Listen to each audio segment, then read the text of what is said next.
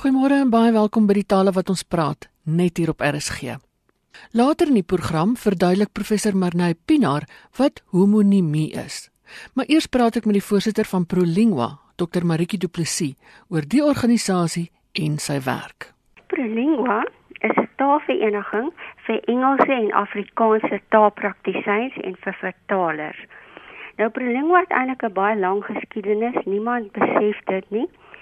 Prolingua is al in in Oktober 1950 gestig. Met ander woorde, hy is nou hierdie jaar 68.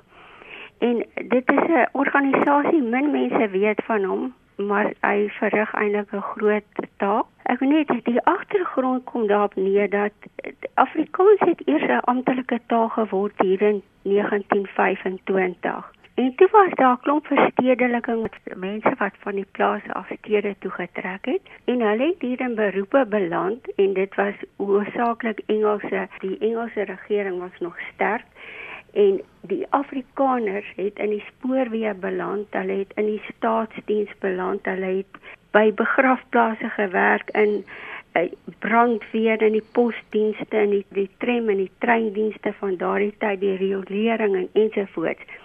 Nou daar was nie terme nie. Afrikaans was 'n jong taal en hulle was gedwing om terme te skep, uh, spesifiek ook vir die Afrikaans want al die hele die werksomgewing was maar Engels.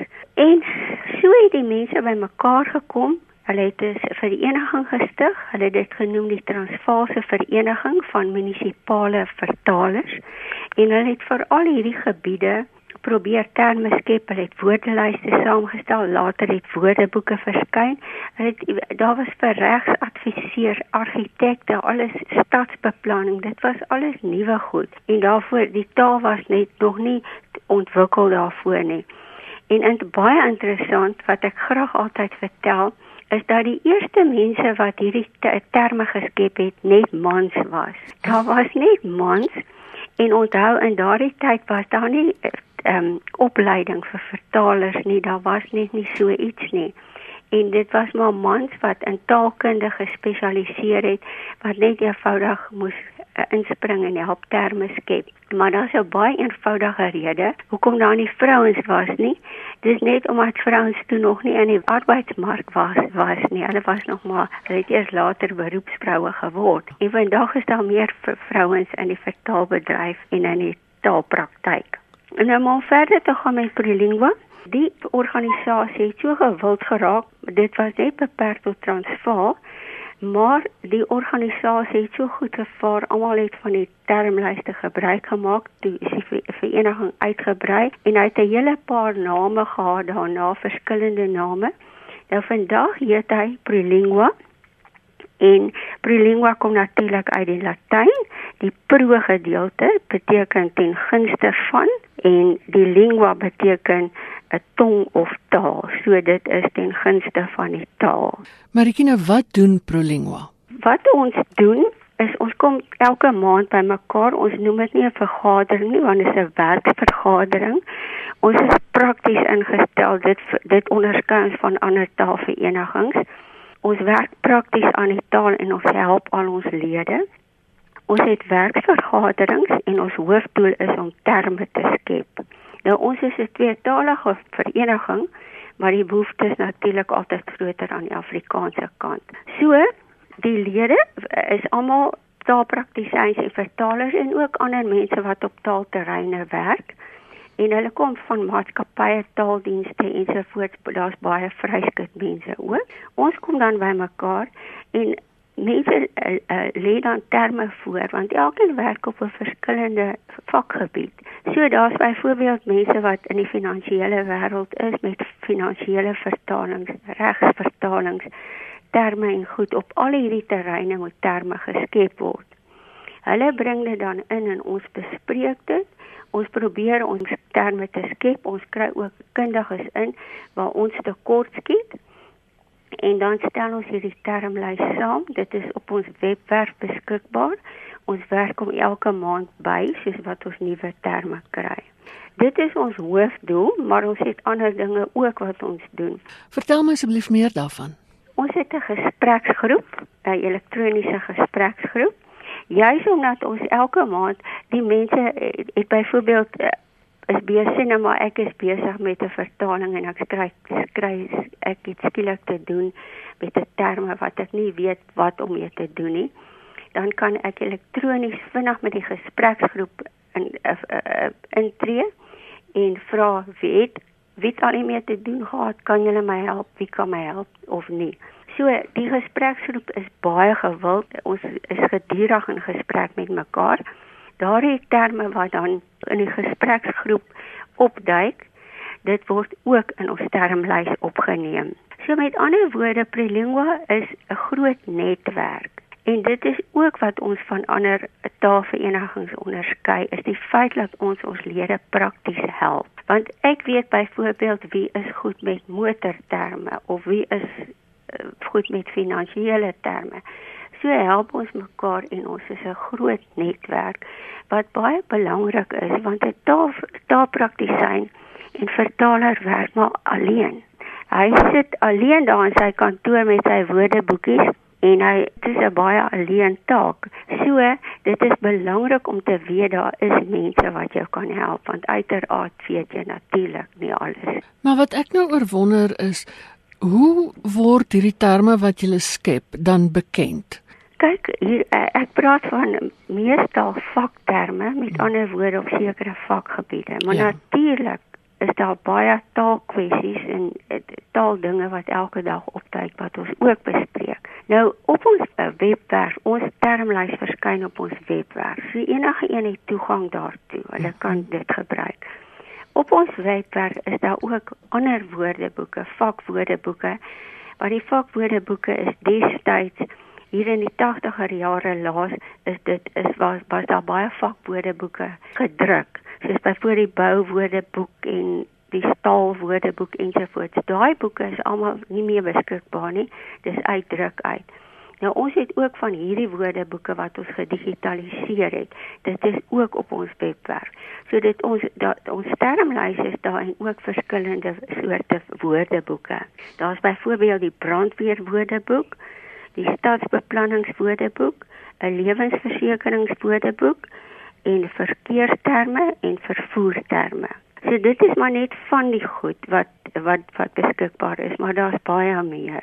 En mense kan natuurlik daarop reageer en sê ja, maar die terme werk nie vir ons nie. Want kyk, termskep termskepping gebeur ook nie net in een vergadering nie. Partykeer sit ons jaar sit ons vir 'n hele jaar met een term en soos ek gesê het, ons moet baie keer kry ook natuurlik kundiges in om ons te help. En uh, wat en kom as ek nou van kundigings praat en taalkwessies, ons nooi ook gereeld uh, gaste, sprekers om met ons te kom praat oor taalverwante sake en so neem ons kennis van al die nuwe taalverwikkelinge en dan ook spesifieke taalkwessies wat baie aktueel is. Hoe word 'n mens lid van Prolingua? Weet jy die, die besonderhede is alles op, op ons webwerf en die lidmaatskap is baie baie redelik. Ek kan dit vir jou noem as jy na privaat aansluit in die nie in 'n maatskappy nie, ja. dan is dit maar R110 per jaar dit is alles op ons webwerf. Ek kan later vir jou die kontakbesonderhede ook gee, maar en maar ek wil net nog 'n belangrike ding noem. Uh, ons het 2 jaar terug ons het ons het twee het ons 'n Prolingua toekenning ingestel en ons gee hierdie toekenning aan mense wat iets op taalgebied gedoen het maar dit moet 'n enkel persoon wees of enkel meer as een persoon wat op hulle eie inisiatief iets initieer en dit uit uit hulle eie sak betaal wat dit met ander woorde hulle eie eie werk dat hulle dit onafhanklik doen en op hulle eie daardie inisiatief te te bekroon want daar is nie beerkenning vir sulke mense nie. Nou ons het al die toekenning twee keer toegeken. Die eerste keer het ons dit toegeken aan Johan Dorfling Nou die man is merkwaardig. Hy het op sy eie met sy eie finansies het hy 'n brugwoordeboek saamgestel met brugterme. En hy het verder gegaan, hy handleidings oor die spel brug saamgestel vir skole en vir volwassenes. En daarvoor is dit het hy toe die toekenning gekry. En dan het die volgende persoon wat dit gekry het was Chris Burger en hy is 'n senior navorser by die WNNR maar hy het dit op die gebied van radiotegnologie en radioterme gekry en die radioterme was spesifiek vir amateurradio. Hy het ook op sy eie 'n hele eh, woordelys opgestel en dit was so gewild dat van die skole om toe gevra het om vir hulle handleidings te skryf. En deur sy inisiatief, die eksamen was altyd net in Engels en deur sy inisiatief met die Afrikaanse terme word die eksamen ook nou in Afrikaans aangebied. En dan nog iets wat ons doen mhm. wat be belangrik is om hierdie ou woordeboeke te bewaar want hulle is regtig baie kosbaar. Het ons met die akademie, die Suid-Afrikaanse Akademie saamgewerk. Hulle het vir ons 'n lokaal geskenk en al die ekstra want sies daar's baie taaldienste wat sluit en so voort en lê die boeke net daar. Dit het ons als bymekaar gemaak en dit word daar gebeere. Daar's ook 'n rekenaar vir mense wat daar wil daar wil gaan werk en wat wat wil toegang hê tot hierdie bronne. So dit is ook vir ons belangrik. Nou julle het binnekort hier vroeg in April het julle 'n uh, sessie met professor Narina Bosman. Vertel my gou daarvan. Dis reg. Nou dit is die 11de April en dit is op 'n Woensdag en dit is in Centurion. Ons kom daar by mekaar by die munisipaliteit. Ons het ons het geriewe daar wat hulle aan ons beskikbaar stel. Sy gaan praat oor Afrikaanse aanspreekforme.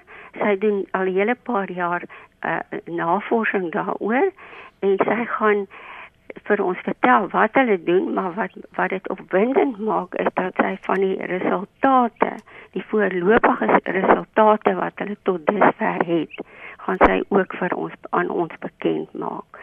So ons sien baie uit na na haar sessie. Ja, en ek is seker dit gaan baie interessant wees want sy het hulle slag oor daai selfde navorsing op die program gepraat. Dis reg, ja. En ek sal graag wou hoor wat die resultate sover is. Ja. Wie kan dit bywoon? Uh, enigeen ons stuur uh, dis uh, natuurlik vir vir vir prelingualede hulle betaal uh, vir daardie as ons 'n gasspreker het betaal hulle R20 maar net ekstra en ons nooi ek stuur al vir almal uitnodigings uit sover ek kan. En almal is welkom enigeen is welkom. As jy nie 'n lid is nie betaal jy net R50 vir die sessie. En ons verwelkom almal en ons wil graag jong mense en taalstudente betrek. So hulle kan gratis dit, hulle kan dit heeltemal gratis bywoon. Hmm. Sê vir my waar kan ons julle in die hande kry? Jo, ons webwerf is ehm um, www.prolingua en dit is P R O L I N G U a.org.za. Jy kan met Rita Bosman, sy is ons sekretaresse ook, sy is spesifiek mense wat wat graag wil lid word. Haar werknommer is 011 559 3383. Sien dit gou my weer oor die funksie. Mense wat belangstel, kan net op die webwerf kyk. Hulle kan op die webwerf kyk. As hulle wil gaan, moet hulle nou net vir Rita skakel dat ons net die maar net vir die getalle. Ja. Dit was die voorsitter van Prolingua, Dr. Maritjie Du Plessis. Ek sal die kontakbesonderhede wat sy gegee het op RSG se webwerf plaas. Nou wat is die verskil tussen aar en aar en reis en reis? Die hoof van die departementale kultuurstudies en toegepaste linguistiek by die Universiteit van Johannesburg, professor Marnay Pinaar, verduidelik wat homonimie is. En nou dis 'n verskynsel wat ons kry waar mens twee woorde het wat op die oog af presies dieselfde lyk. In ander woorde, hulle vorm is dieselfde, hulle word op dieselfde manier gespel. Maar hulle het niks met mekaar in gemeen wat betekenis betref. Hulle beteken heeltemal onafhanklike dinge. Hoe het dit ontstaan? Weet jy daar's verskillende redes vir die ontstaan van homonieme en gewoonlik gaan kyk ons maar 'n bietjie na die etimologie van die woorde en kyk waar kom hulle vandaan. Nou, daar's gewoonlik so een van twee moontlikhede. Die een is is dat omdat klanke in woorde oor die periode van tyd verander, mag ons skry dat woorde aanvanklik heeltemal verskillend gespel is en daar was nie 'n verwarring nie, maar met tyd het dit verander. Nie voorbeeld hier is byvoorbeeld die woord aar soos in 'n koringaar in Afrikaans teenoor as ons dan nou gaan kyk aar die aar wat 'n mens kry soos in die aar waarin jou bloed oploop na jou hart toe. Nou daardie tweede aar was aanvanklik ader, A D E R. Maar met verloop van tyd, soos met baie van daardie konsonante tussen vokale uit die Nederlands uit, het daai D weggeval en wat aanvanklik aar en ader was, is nou aar en aar en nou skielik is ons met twee woorde wat presies dieselfde lyk, maar heeltemal verskillende betekenisse sou hê. 'n Ander rede is ook en dit gaan weer oor die oorsprong van woorde dat woorde uit verskillende tale uitgeleer geleen is. As ons byvoorbeeld gaan kyk aan die woordjie kraal in Afrikaans, dan kan ons sê 'n kraalietjie wat ek gebruik om in te ryg vir myself 'n armband van te maak. Nou daardie eerste enetjie kom uit die Frans uit en die Franse vorm was C O R A L maar hy het in Afrikaans op die ou end kraal geword. As ons gaan kyk aan die ander kraal, die kraal waarna mense byvoorbeeld vee sou huisves, dan kom daardie woord uit Portugees uit en sy spelling was aanvanklik C U R R A L. Maar beide van hulle is uiteindelik aangepas en word as kraal uitgespreek in Afrikaans. Daar's ook grade van homonimie. Ja, dit is baie keer nogal problematies om te besluit hoe ver dinge heeltemal van mekaar af is of hoe na hulle aan mekaar is. Ek dink ons het net nou sommer so vinnig gesels oor iets soos byvoorbeeld maal en maaltyd en dan begin mense dink met die idee van vermenigvuldiging en daardie oorspronklike maaltyd ook die idee van herhaling wat ingevoer word. So soms is dit baie maklik om te sê hierdie woorde het absoluut niks met mekaar te doen nie. Maar dikwels is dit woorde wat ook op 'n stadium miskien wel 'n soort eh, verhouding met mekaar gehad het, selfs 'n betekenis verhouding met mekaar gehad het, maar met die verloop van tyd het daardie ooreenkomste so ver uit mekaar uit verdwyn dat mense dit eintlik moeilik raak sien. Dink byvoorbeeld aan 'n woord soos kraan. Ehm um, wat as ons gaan kyk na kraan en kraanvoël en waterkraan en huiskraan, dan het hulle aanvanklik almal iets met mekaar in gemeen gehad as gevolg letterlik van die vorm as 'n mens nou verbeel hoe 'n kraanvoël sou lyk of 'n waterkraan sou lyk of 'n huiskraan. Maar So hulle was aanvanklik gesien as poliseme, maar mense se koppe het hulle eintlik baie min met mekaar te doen deesdae. So dan begin dit oor te skuif na homonieme toe en dan kan homonieme baie keer vir ons nog lyk asof hulle moontlik ergens iets met mekaar in gemeen gehad het, maar dan ook um, heeltemal uit mekaar uit beweeg sodat 'n mens glad nie meer 'n verwantskap kan sien nie. En dan kry mens nou nog homofonie en Ja. Homofonie is eintlik die maklike een. Is daai ene wat ons in graad 2 mee gesukkel het van wat sê die kinders deesdae die kirietjie van die visie V. So dis nou tipies die F en die V. En dan gaan dit oor die lang y en die kort y met ander woorde daai styl in styl. En dan leier en leier die ene wat ehm um, iemand is wat voorloop of iemand wat 'n siekte het, leun en leun, jy staan teen iets of jy het 'n leuen vertel. Hier wat ek dink wat wel belangrik is, is hulle verskil van homonieme in die sin dat homofone klink net dieselfde, maar hulle verskil wel in spelling. So die verskil tussen fonds met 'n F en fonds met 'n V, verskillende soorte spelling, maar in uitspraak is daar wel 'n ooreenkoms en dit kan baie keer vir 'n mens 'n bietjie verwarring veroorsaak.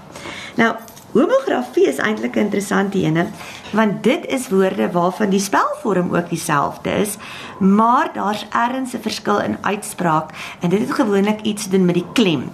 Nou voorbeelde daar sal iets wees soos jong, kom ek voorspel nou vir jou wat Saterdag met die krieket gaan gebeur. Teenoor in 'n voorspel tot die musiek. Die een is voorspel en die ander ene is voorspel. Spelling is presies dieselfde. So dis net as 'n mens die woord uitspreek wat jy die verskil agterkom. Nog iets sal wees iets soos kanon en kanon. Kanon, daardie kore wat of groepe mense wat in twee stemme sing, begin met die een groepie en dan begin die volgende groep teenoor kanon wat dan 'n uh, soort grof geskit is, 'n soort wapen. En dan natuurlik die enetjie wat ook altyd vir my mooi is, is pers en pers. Dis so na aan mekaar. Maar die pers of die media het berig is 'n korter edaai teenoor ek hou van pers as 'n kleur, ek dra graag pers rokke. Dit sou dan die verskil wees. Nou dit lyk my die enigste manier om mens hierdie goed kan onderskei is deur dit maar te leer. Dit wels, maar woordeboeke gee natuurlik ook vir ons baie leiding. Dat as ons byvoorbeeld gaan kyk na homonieme spesifiek, dan word dit in woordeboeke as afsonderlike inskrywings hanteer. En dit gee dan ook vir mense aanduiding van wat in elk geval die woordeboekmaker se opinie is. So as 'n mens nou gaan kyk na, ons kan nou maar weer teruggaan na iets soos byvoorbeeld die woordjie maal toe. En ons gaan kyk in die HAT wat ek nou hier voor my het, dan word daar 5 verskillende inskrywings gegee. Die eerste ene wat sê 'n terugkerende tydstip, met ander woorde ek het iemand nou al 3 maal gewaarsku. Of kos, ehm um, dit was 'n heerlike maal gewees. Of natuurlik 'n meule wat iets kan fyn maal. Dan daardie idee met wentel of woer iets wat deur mekaar is, maar dan ook eintlik by verlenging iemand iets maal deur 'n mens se kop, jy's nie heeltemal seker nie. En dan die laaste ene wat doodgewoon vermenigvuldiging is, met ander woorde 12 maal 6. Maar nou byvoorbeeld wat hier ook interessant is, is die werkwoord maal, soos in ons mooi uitdrukking van met water wat verby is, sal die meel nie weer maal nie. Daardie maal se verlede tyd is gemaal. En dan moet 'n mens heeltemal op 'n ander plek in die woordeboek gaan kyk by gemaal waar dit dan aangedui word as 'n prinses se manlike metgesel by 'n bepaalde funksie. En daar het daai twee gemale net mooi niks mekaar in gemeen nie. Dit was professor Marnay Pinaar van die Universiteit van Johannesburg. En daarmee is dit tyd om te groet. Van my Ina Strydom, groete tot 'n volgende keer.